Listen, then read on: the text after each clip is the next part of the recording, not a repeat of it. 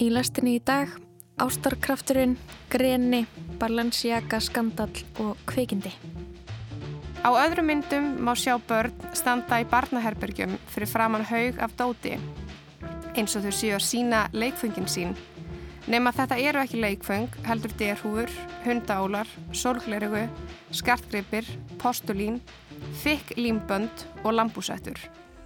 Tekstarnir á plötunni eru miklu vandari heldur en gengur og gerist í nýleri poptónlist, eru á góðri íslensku og skræla mörg lög ofan af tilvistakreppu og ástarsamböndum íslenskra ungmenna síðan útímans. Stundum snertaðar á hverstakljóum smáatriðum sem eru tildalega nýleg fyrirbæri og til er netmenningu og samfélagsmiðlum. Eitthvað sem flesti líklega tengja við en hefur ekki orðið mikið viðfangsefni listsköpunar fram til þessa. Með orðinu erotík á ég við miklu meira en þau kynferðislegu samskipti Karla og Kvenna sem eru forsendan fyrir framgangi lífsins. Ég set mér fyrir sjónir að í erotíkinni leysist úr læðingi orka. Þessi orka hleður fólk ef svo má segja og hún færist einnig á milli fólks. Þetta hefur geysi mikla þýðingu fyrir samskiptu okkar við annað fólk og hvernig við skipulegjum umhverfu okkar. Ég heiti Lóabjörg Björnstóttir og þetta er lastinn 5. daginn 1. desember.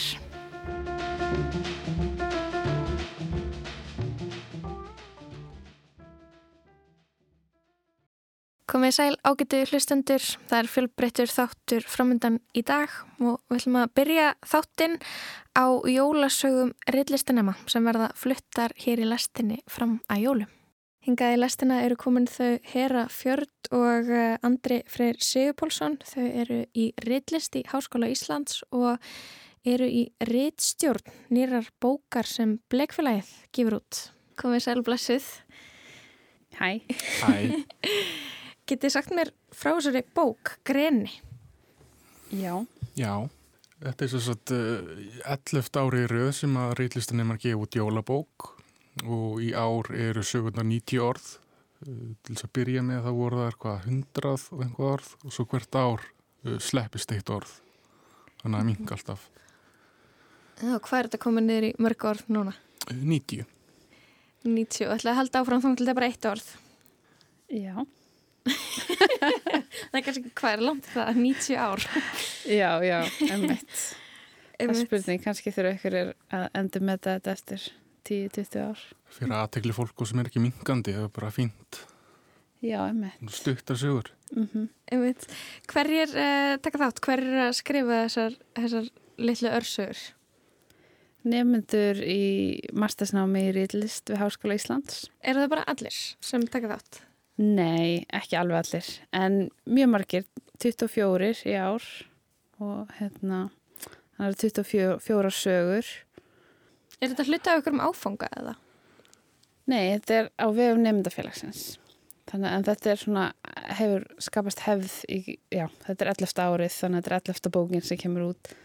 Þannig að þetta er svona stór viðburður fyrir rillistanema á aðvendunni. Já, bara svona líka auka reynsla fyrir okkur að pröfa að gefa út bók Mm og Já, það þi- ferli Þið eru svona mikið í því að hótelsögur að koma út um daginn. Nei, það, var það kannski ekki nefndafélagi sem gaf það út? Nei, það var áfangi, Ok, ég skil. en jú, þetta, við erum alltaf að skrifa allir þess að, já, annarkvært gefið bækur eða eitthvað svona annars, annað form, en markmið er að koma sér út eitthvað tíman. Komum þetta ykkur í, jólaskapi að setja nýr og skrifa þessi 90 orð? Já, já, svona alveg nokkuð sko. Mér hefast eiginlega meira að koma mér í jólaskap að lesa sögur allra hinna. Það var svolítið gaman. Hvað er fólk að skrifa um hvernig þið sögur með við eiga vonaði að heyra næst svona núna uh, í aðdraðanda jólana? bara alls konar. Þemað er greni sem líka heitið á bókinni þannig að fólk getur tólkað það eða fengið svona inspiration af því orði svona, já, þetta, þetta er svona alls konar sögur sem er jólalegar aðrar minna jólalegar Já, það er alveg frá sólaströnd og upp í fjall og fyrnindi grílu. Þannig að, já, og greni má náttúrulega tólka bæði sem greni grein eða greni eitthvað mjög mikið reysi eða bæli tófu til dæmis, þú veist, þannig að það er mjög vítt hvernig má tólka eða bara nota það sem svona thematist thematískan innblástur. Þannig að þessi bók, hún kemur út alveg sem bók líka. Já, það er bara, hún er í prentur núna erum komin vonandi í næstu, lóknæstu viku. Og einmitt eh, bara mjög falleg og eiginlega bók með, já, 24 jóla örsögum kostar ekki nema 1500 krónur og er með sérstæku hérna, hún Hildur Selma sem álíka einu sög í bókinni, hún gerði æðislega flotta kápu og baksíðu fyrir okkur. Mm. hann er að bókin sjálf er ákveði listaverk. Þetta er og jóladagatal rillistanema Já, einmitt. Um, Þannig ætlaði eitthvað svona að gera þess að halda upp og búka útgáfuna?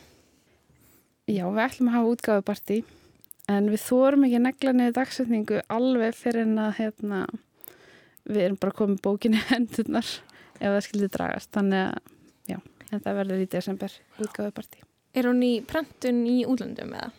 Nei, sem betur fyrir hér okay. á Íslandi. Kekja, frábært. Um, Takk fyrir komuna Andri og Hera. Við uh, byrjum á sögu eftir þið Hera. Ok, ég er þessu vel.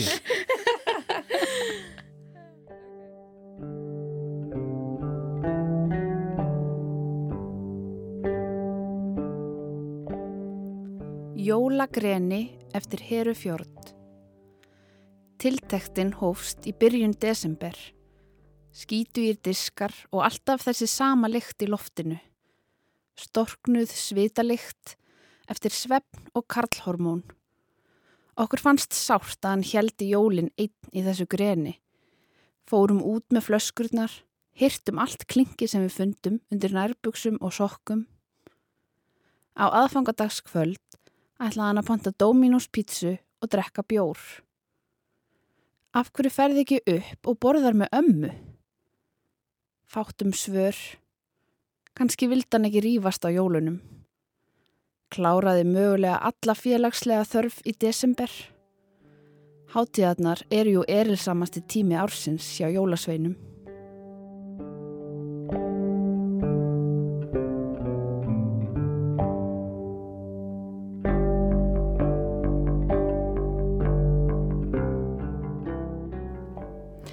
Þegar ljósi dagsins dvín eftir Elisabetu Dröfn Kristjánsdóttur.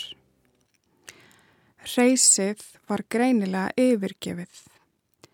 Þetta var sörlegur bjálkakofi og þau höfðu ekkert lífsmark séð þar í dágóðan tíma. Eftir að hafa bankað á fúnaðar viðardirnar gengu þau inn.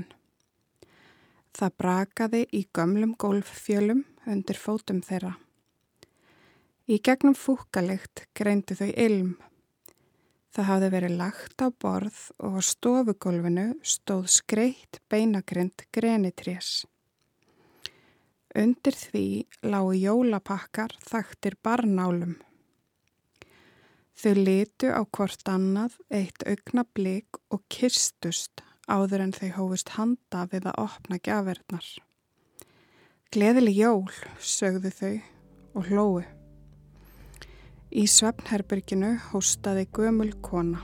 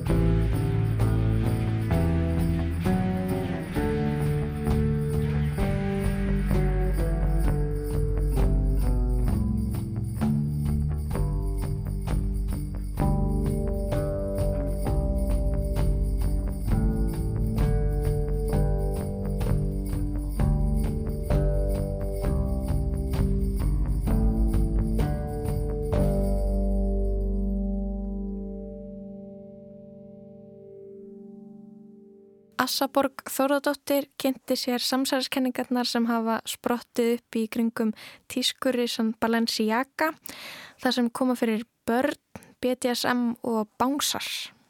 Tískuhúsið Balenciaga hefur verið í deglunni síðustu daga sögum nýra auglýsingaherferða.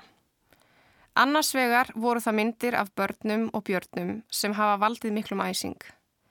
Byrdirnir eru í eins konar BDSM búningum en Balenciaga segir þá vera plush bear bags og eru í raun handtöskur.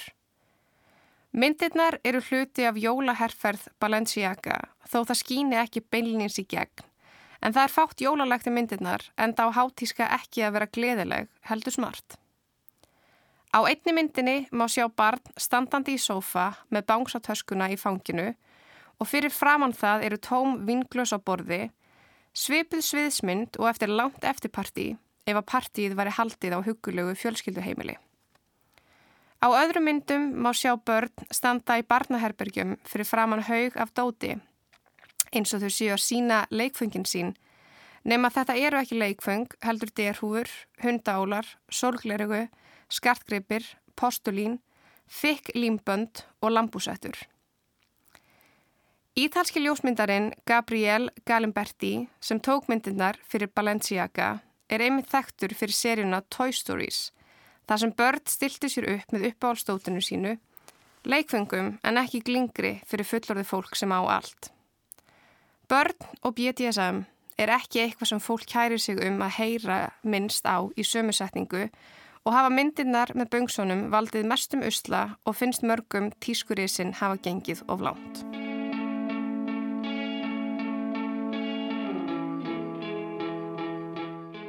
Hins vegar er um að ræða myndir í skrifstofurími sem eru hluti af The Garderobe herrferðinni. Í bakgrunni ljósmyndar sem franska leikunan Isabelle Hubert situr fyrir á má glitta í listaverkabók með verkum eftir belgíska myndistamannin Mikael Bormans.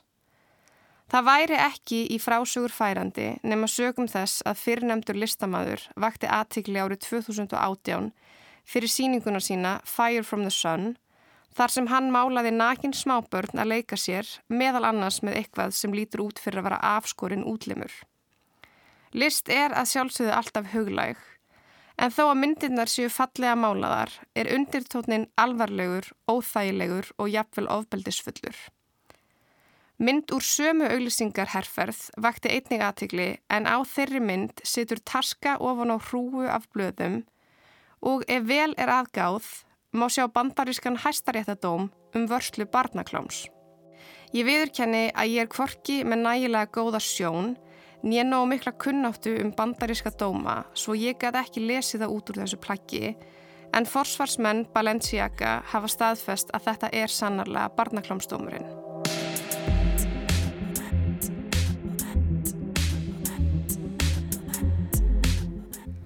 Balenciaga hefur notið mikill að vinsælda og velgengni síðustu misseri og er eitt fremsta tískuhús heimsins.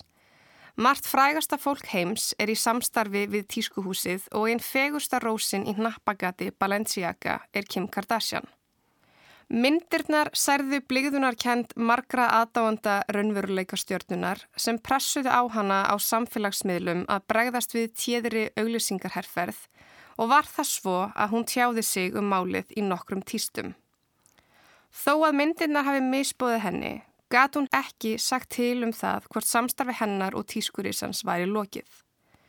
Á Instagram reikningi Balenciaga má svo finna afsögnarbeginni vegna þess að notaður voru barnungar fyrirsætur til að auglýsa bánsathöskurnar og higgjast þau taka fulla ábyrð á málinu en benda þó á aðra sem sögudólka þess að leikmunir á borfi myndlistarbókina og hæstaréttadómin hafi ratað inn á myndirnar.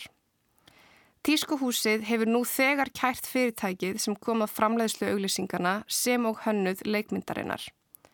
Eins og sakir standa er afsökunarbeinin eina færslan á Instagram síðu Balenciaga og Twitter aðgangi tískuhúsins hefur verið eitt.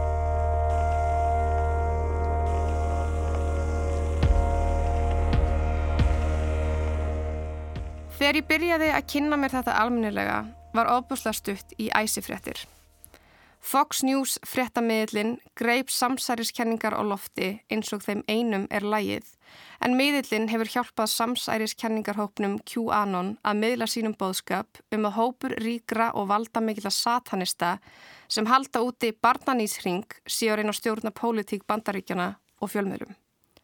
Twitter, TikTok og Reddit eru fullt af kenningum um satanisma ríka og fræga fólksins, enda bandarækjaman margir hverjir lavandi hrættir við djöbladýrkun og sérsta best á því sem oftast er kallað The Satanic Panic á nýjunda ártögnum.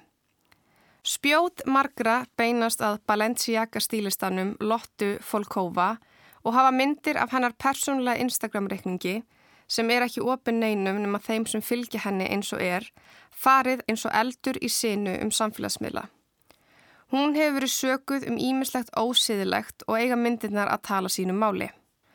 Þarna er meðal annars að finna myndir af unglingstrengjum, ungum stelpum með mikinn farða og líti klættar og börnum í ofbeldisfullum aðstæðum. Sumar myndirnar eru teknar á myndavél en aðrar eru teiknaðar eða málaðar. Samsæriskenningasmiðir hafa einning vakið aðtikli á stafsetningunni á Balenciaga og þýkku limbandi sem er á einni batnamyndana en þar er nafni stafað með tvöföldu AE.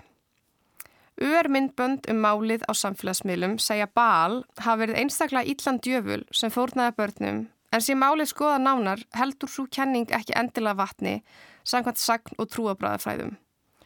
Önnur hafa tekið eftir dagsetningum sem eru krótaðar á vekkina en þá daga á eitthvað skjálfilegt að hafa gerst sem varðar börn en því miður gæti ég ekki með nokkru móti komist að því hvað það væri.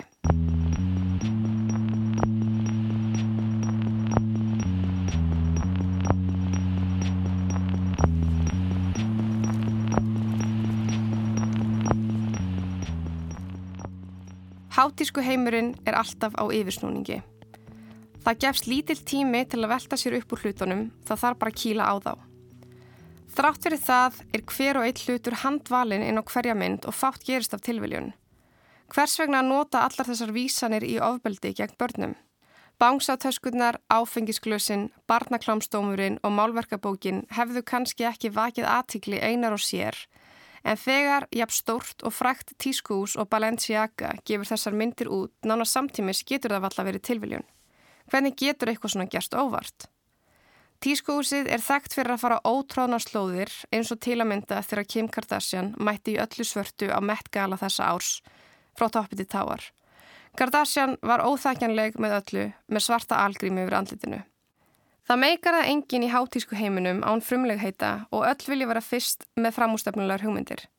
Var þetta röð óheppilegra tilviljana þar sem markmiði var að sjokkera mistu listamennir innan raða Balenciaga sig aðeins í gleðinni eða lág raunverulega eitthvað ílta baki.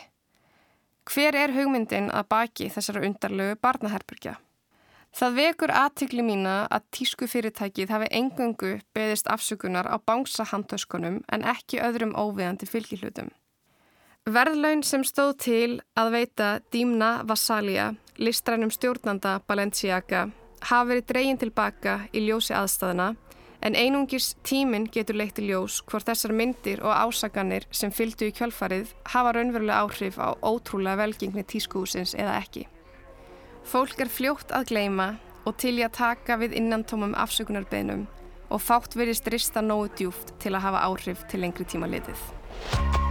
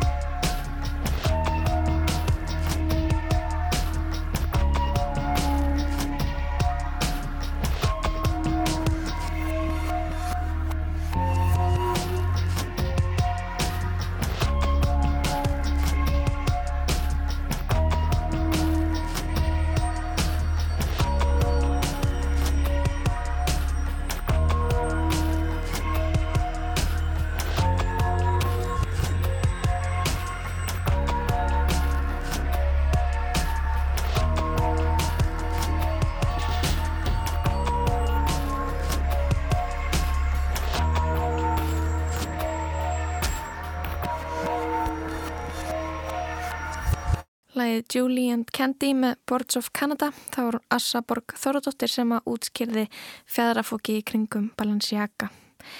En á morgun verður doktor Anna Guðrún Jónasdóttir áttræð og að því tilöfni ætlum við að heyra í Berglindir Ós Magnúsdóttur, prófessor við Háskóla Íslands, segja frá þessari merkilegu konu. Doktor Anna Guðrún Jónasdóttir stjórnmálafræðingur og fyrrum prófessor við Örybro Háskóla hefur sett verulegt mark á þróun kenninga og hugmynda og alþjóðavettvangi um jafnbretti kynjana. Hún er ófeimin við að nota orðið feðraveldi og telur að ekki sé hægt að skýra tilvist þess engöngu með kynskiptum vinnumarkaði, misnótkun á vinnukrafti kvenna, gamaldags hugmyndum um eðli kvenna eða með ofbeldi karlagja konum. Hún þurfti að búa til nýtt hugtak til að geta skýrt þetta ástand frekar.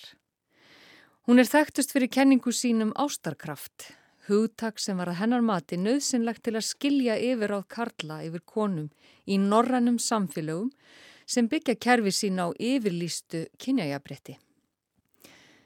Hún gaggrindi frjálslinda einstaklingsíki sem hefur verið ríkjandum langa hríð en lagði þess í stað áherslu á tengslahugsun. Það er að einstaklingar eru raunverulega samrunni félagstengsla, meðal annars kynferðistengsla Frekar en sapn óháðra einstaklinga sem geta ákveði hvort þeir vilja eða vilja ekki verið í tengslum við aðra einstaklinga.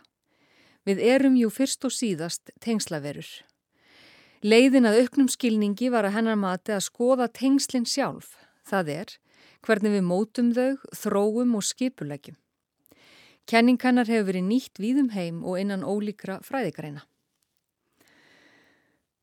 Annargurum fluttist Erlendis með eigin mann tvö börn kennarapróf og kennarareynslu í farteskinu og hefur æsíðan búið í Svíþjóð. Henni bauðst tviðsvar að halda fyrirlestra á Íslandi meðan hún þróaði kenningar sínar í doktorskrifunum. Fyrst við Háskóla Íslands ára 1985 og svo landsfundi kvennalistans 1987. Likil fyrirlestur hennar á ráðstefninni Íslenska kvennaransóknir við Háskóla Íslands var grunnurinn að fyrsta kaplanum í doktorsýðgerinni. Hér verður grepi niður þetta mikilvæga erindi sem nú, 37 árum síðar, á ótrúlega vel við. Það sem hún einfallega kallar erotíska lífsorku þarna fær síðar nafnið ástarkraftur. Konur og karlar eigi margvíslegum samböndum og samskiptum hvert við annað. Þau eru bundin hvert öðru erotíst. Einnig sem vinnufélagar, í pólitík, sem nefendur, sem foreldrar, sem trúaðar manneskjur, í íþróttum, í listsköpun, allstaðar. Feminísk kenning og greining á öllum þessum fjölbreytilegu samskiptum, þar sem konur og karlar eru annarkvort samherjar eða andstæðingar, er afar ofullkomin. Allstaðar skortir mikið á að aðtiklinni sé beinta því félagslega ferli sem þarna er að verki. Þessi ferli þarf að rannsaka og hreinrækta ef svo má segja.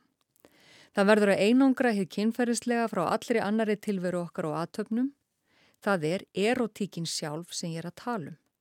Með orðinu erotík á ég við miklu meira en þau kynferðislegu samskipti Karla og Kvenna sem eru forsendan fyrir framgangi lífsins. Ég set mér fyrir sjónir að í erotíkinni leysist úr læðingi orka. Þessi orka hleður fólk, ef svo má segja, og hún færist einnig á milli fólks. Þetta hefur geysi mikla þýðingu fyrir samskiptu okkar við annað fólk og hvernig við skipulegjum umhverfu okkar. Ekkert í lögum eða ofinbörum plöggum segir lengur neitt um það að karlar eiga ráði við konum. Það hafa líka orðið afgerandi breytingar á afkomumöguleikum begja kynja, bæði efnahagslega og félagslega. Hvorugt kyni þarf stránt til teki lengur að sætta sig við einhverjar þvingunar aðgerðir vegna þess hvað þau eru hvort þau eru háð. Það sem eftir stendur er þetta. Við erum háð hvert öðru sem kyn eða kynferðislega. Hinn markþættu bönd sem bind okkur saman sem erotískar mannverur, sem foreldra sömu barna, sem vinnufélaga, sem vini og leikfélaga. Við höfum líkamlega þörf hvert fyrir annað og þessi líkamlega þörf hefur áhrif á sálina. Á sama hátt höfum við sálræna þörf hvert fyrir annað og sálinn býr í líkamannum.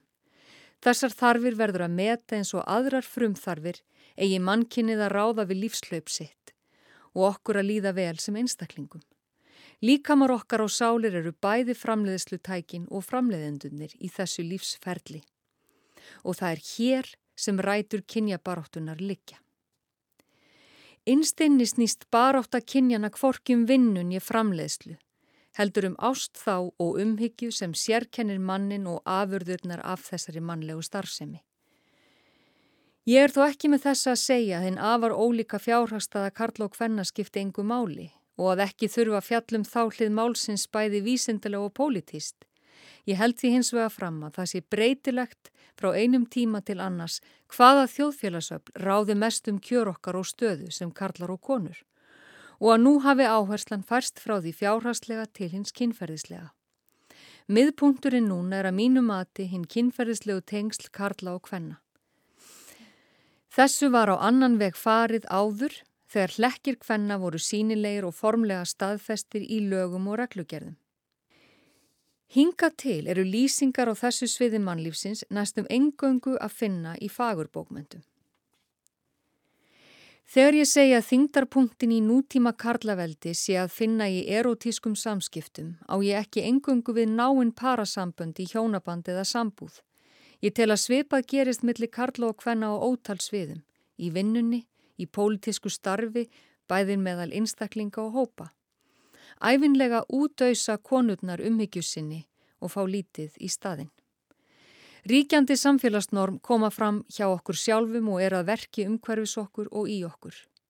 Samkvæmt þeim er að karla rétt á ást kvenna, umhyggju þeirra og aðtikli. Það er einni réttur karla að láta undan þörfinni fyrir konur og þeir eru frjálsir að því að taka það sem þeir þurfa. Réttur kvenna er hins vegar sá að meg að gefa af sjálfum sér. Frelsið og hinn óskráði réttur til að taka handa sjálfum sér er takmarkað. Karlar geta þannig stöðlagt hald á meira af lífsorku kvenna en sem svarar því sem þeir sjálfur láta af hendi rakna til kvenna. Með þessu orkustreymi frá konunum byggja karlar sig upp sem aðtapna sama þjóðfélagstegna og þeir nota þessa tilvistar orku líka til að viðhalda og endur nýja yfirráðin yfir konunum. Hvernig þetta gengur nákvæmlega fyrir sig kann að vera breytilegt, bæði hvað var þar einstakling og samfélagshópa. Það rýrir samt ekki gildi kenningarinnar. Hanna þarf að prófa í raun og það þarf að finna með rannsóknum hver breytileikin er meðal einstaklinga og stjetta. Við getum því sagt að sérkvert þjóðfélag kvíli á efnislegum grunni sem er tvíþættur. Annars vegar erum að ræða framleiðsla á hlutum og hins vegar á fólki. Við þurfum ákveðna hluti til að geta lifað og við þörnumst líka hvers annars til að lifa af í mannlegu samfélagi. Báðum þessum þáttum samfélagsins er haldið gangandi með eða innan valdakerfa þar sem valda hlutvöld andstæðra hópa eru misjöfn. Þeir mega því báðir kallast pólitískir án þess að ég raukstiði það frekar á þessum vettvangi. Það er greinileg tilnegin hjá þeim fræðikonum sem nota aðrar skilgreiningar að líta á slæmastöðu kvenna að þér varðar kynferðismálinn sem beina afleðingu af stöðu þeirri í efnahagskerfinu.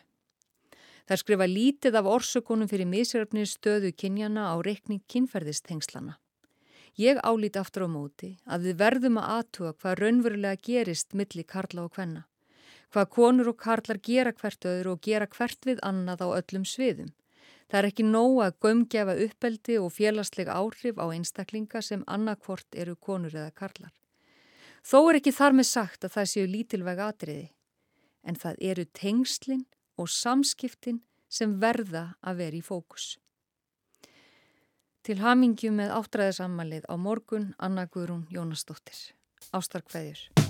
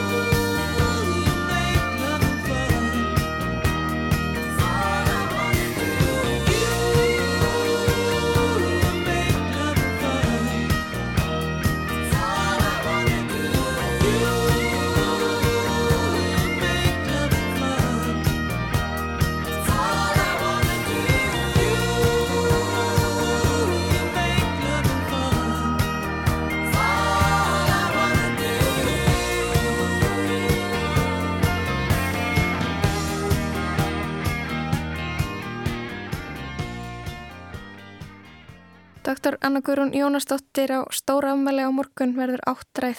Berglindrós Magnúsdóttir saði frá og lasur doktorsittgerð önugurnar. Afar merkileg kona og við óskum henni til hamingu með stóra afmælið. Við heyrðum séðan lægið You Make Loving Fun með Fleetwood Mac í lok pistilsins en í gær borst fregnir af því að Kristín McVie meðlumur Fleetwood Mac væri fallin frá. McVie breytti Fleetwood Mac úr bluesbandi í þessa popljómsveit sem náði alþjóða hilli og ég hef líka örugar heimildi fyrir því að hún hefði verið afar viðkunnuleg. Jónatan Garðarsson hér á Ráseitt saði hann að skemmtilegasta meðlim hljómsveitirinnar en hann var svo heppin að hafa hittu nokkru sinnum á sínum tíma. En við ætlum að heyra meiri tónlist.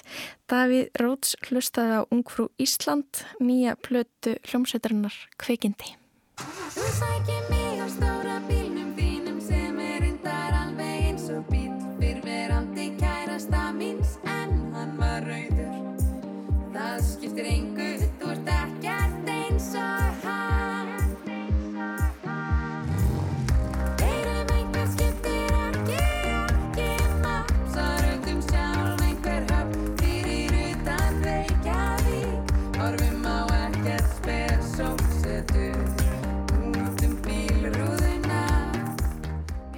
Í byrjun oktober kom út fyrsta breyðskifa íslenska rafdúatsins Kvikindi, Ungfrú Ísland.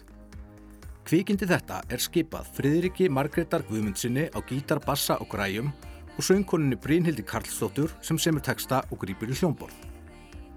Á Ungfrú Ísland er að finna grýpandi postmodernist rafpop með textum sem rík halda sér í núið. Kvikindið leifir sér á köplum að vera risastórt og gróft flikki sem hoppar og veifar í allar áttir en er á öðrum stundum eins og innhverfur snákur í heimsbyggilum eldingaleik við eigin hala.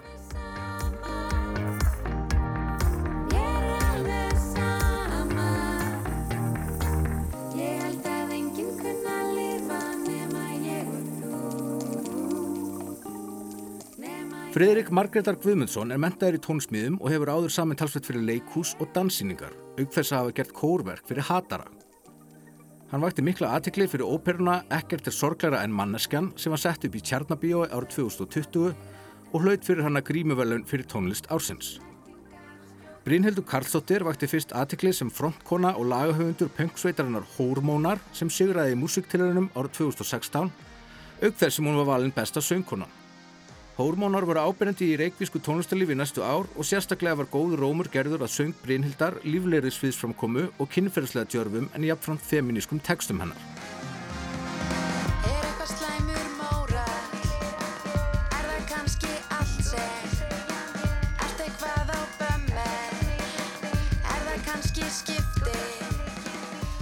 Er í raun einhvers konar bastarður eða múlatti klassísk smentaðs tónskáld og pöngara. Eitthvað sem hefði kannski fyrirfram ekki verið talið líklegt til stórraða. En stundum verður ólíja á vatn að brjáluðu báli ef neistinn kemst í blönduna áður en hún nær að skiljast og eitthvað slíkt virðist hafa gerst hér.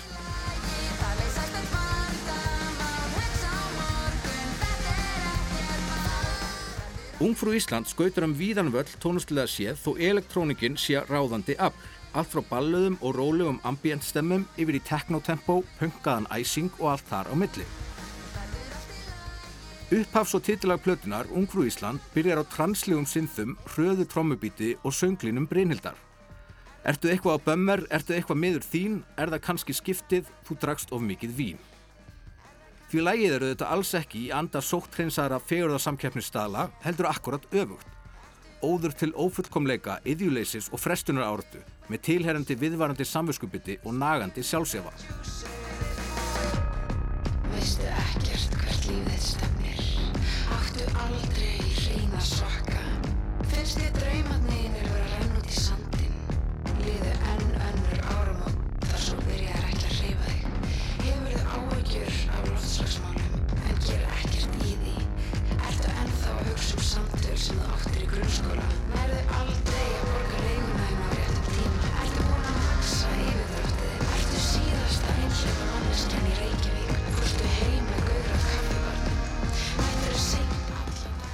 Viðlæðið er svo hratt og pöngað, geysilega hughristandi, sjálfsjálfandi og íslenskt á besta mögulega hátt. Það verður allt í lægi, reddast allt og verður allt í lægi. Það leysast öll vandamál, hugsa á morgun þetta er ekkert mál og hér kemur besta línan. Kannski ekki frábært, en í lægi. Verður allt í lægi og í kvöld eru við öll ungfrú Ísland.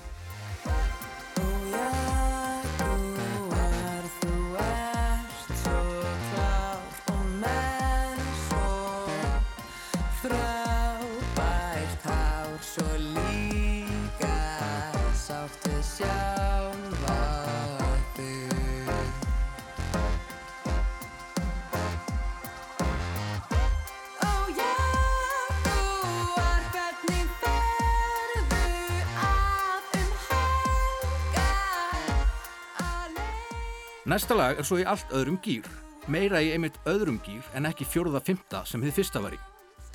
Það er eins konar nýromantísk ballaða í millitempói þar sem Brynhildur syngur til Jaguars, hvað hann sé að spá, hvernig hann fari að og hvort hún megi kalla hann vinn.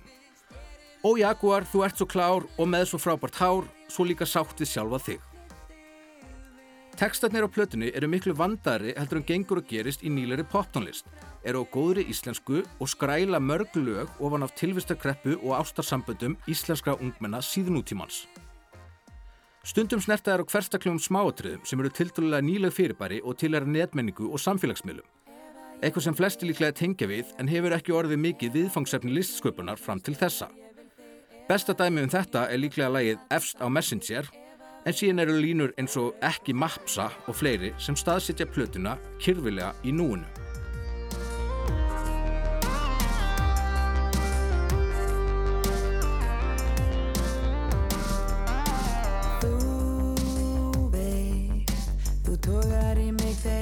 Þartast Ég er með fyrst og þelis og þú ert fast Við tvö skautum yfir til finningarnar Ég er hægt fyrir lungu að finna þær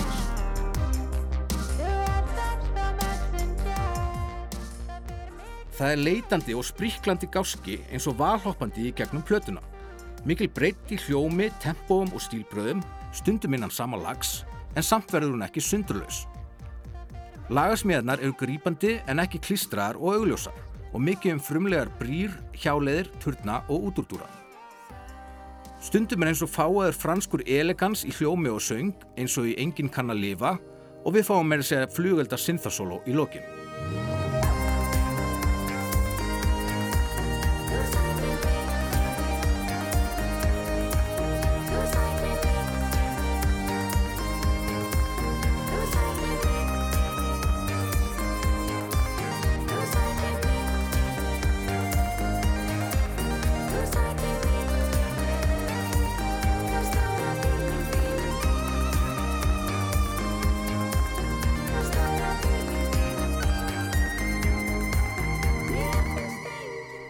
En svo næsta lag á einhverju allt öðru rófi, grottalegur elektropunk banger þar sem Brynhildur syngur, kyrjar og öskrar í gegnum autotún.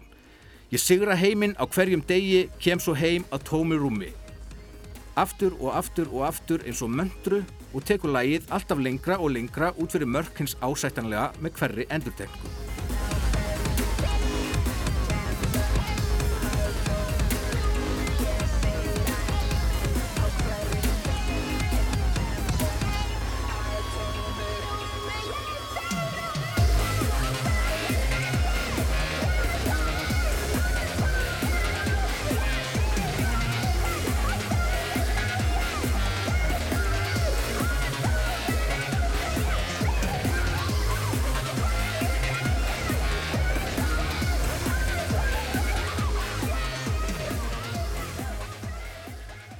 Brynhildur Karlsdóttir er einn áhugaverðasta söngkonan í íslenski tólunstaflóru samtímans og hún fer á handahlaupum með híminskautum í gegnum plötuna.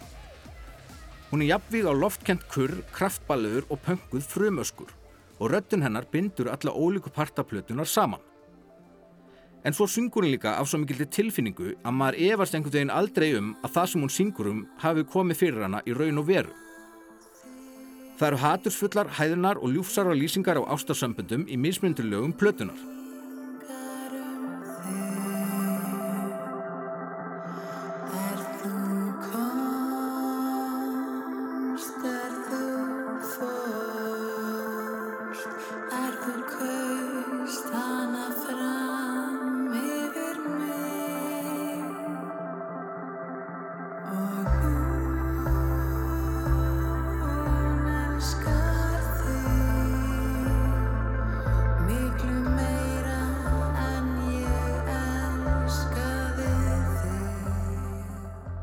Dæmið um hið ljúfsára má finna í lokaleginu Kramin Hjörtu þar sem sögukonan sirkir endalók ástarsamband sem hún gerir sér samt grein fyrir að hafi verið fyrir bestu og svo lýsir hún tilneyingu fyrirvinnandi para til að sofa saman aftur með þessum línum.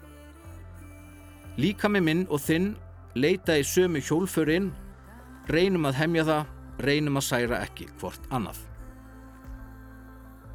Lægiður Rekin er síðan eins og Kára Stefánssonar opið bref til fyrirverandi kærasta sem útlistar á jökulkaldan hátt hversu ömulugur hann er og hefst svona.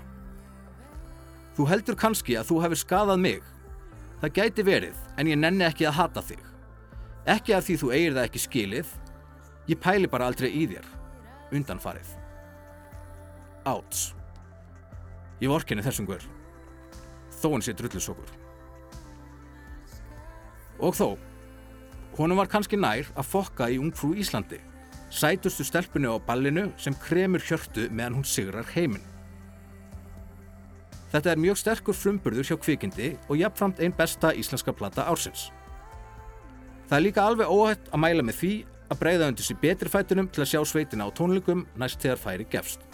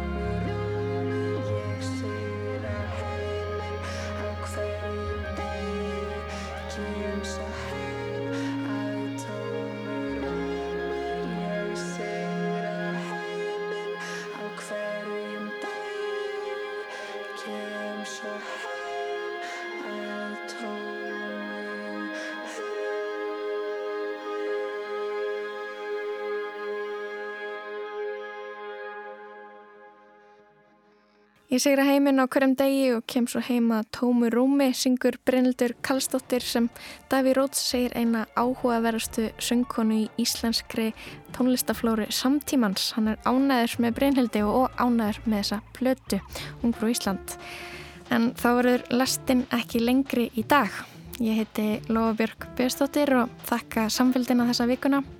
Við verðum næst á dagskrá á mánudag á morgun er endastöðin á dagskrá. Þá fara viðsjá og lestinn yfir vikuna í menninganislu með góðum gestum.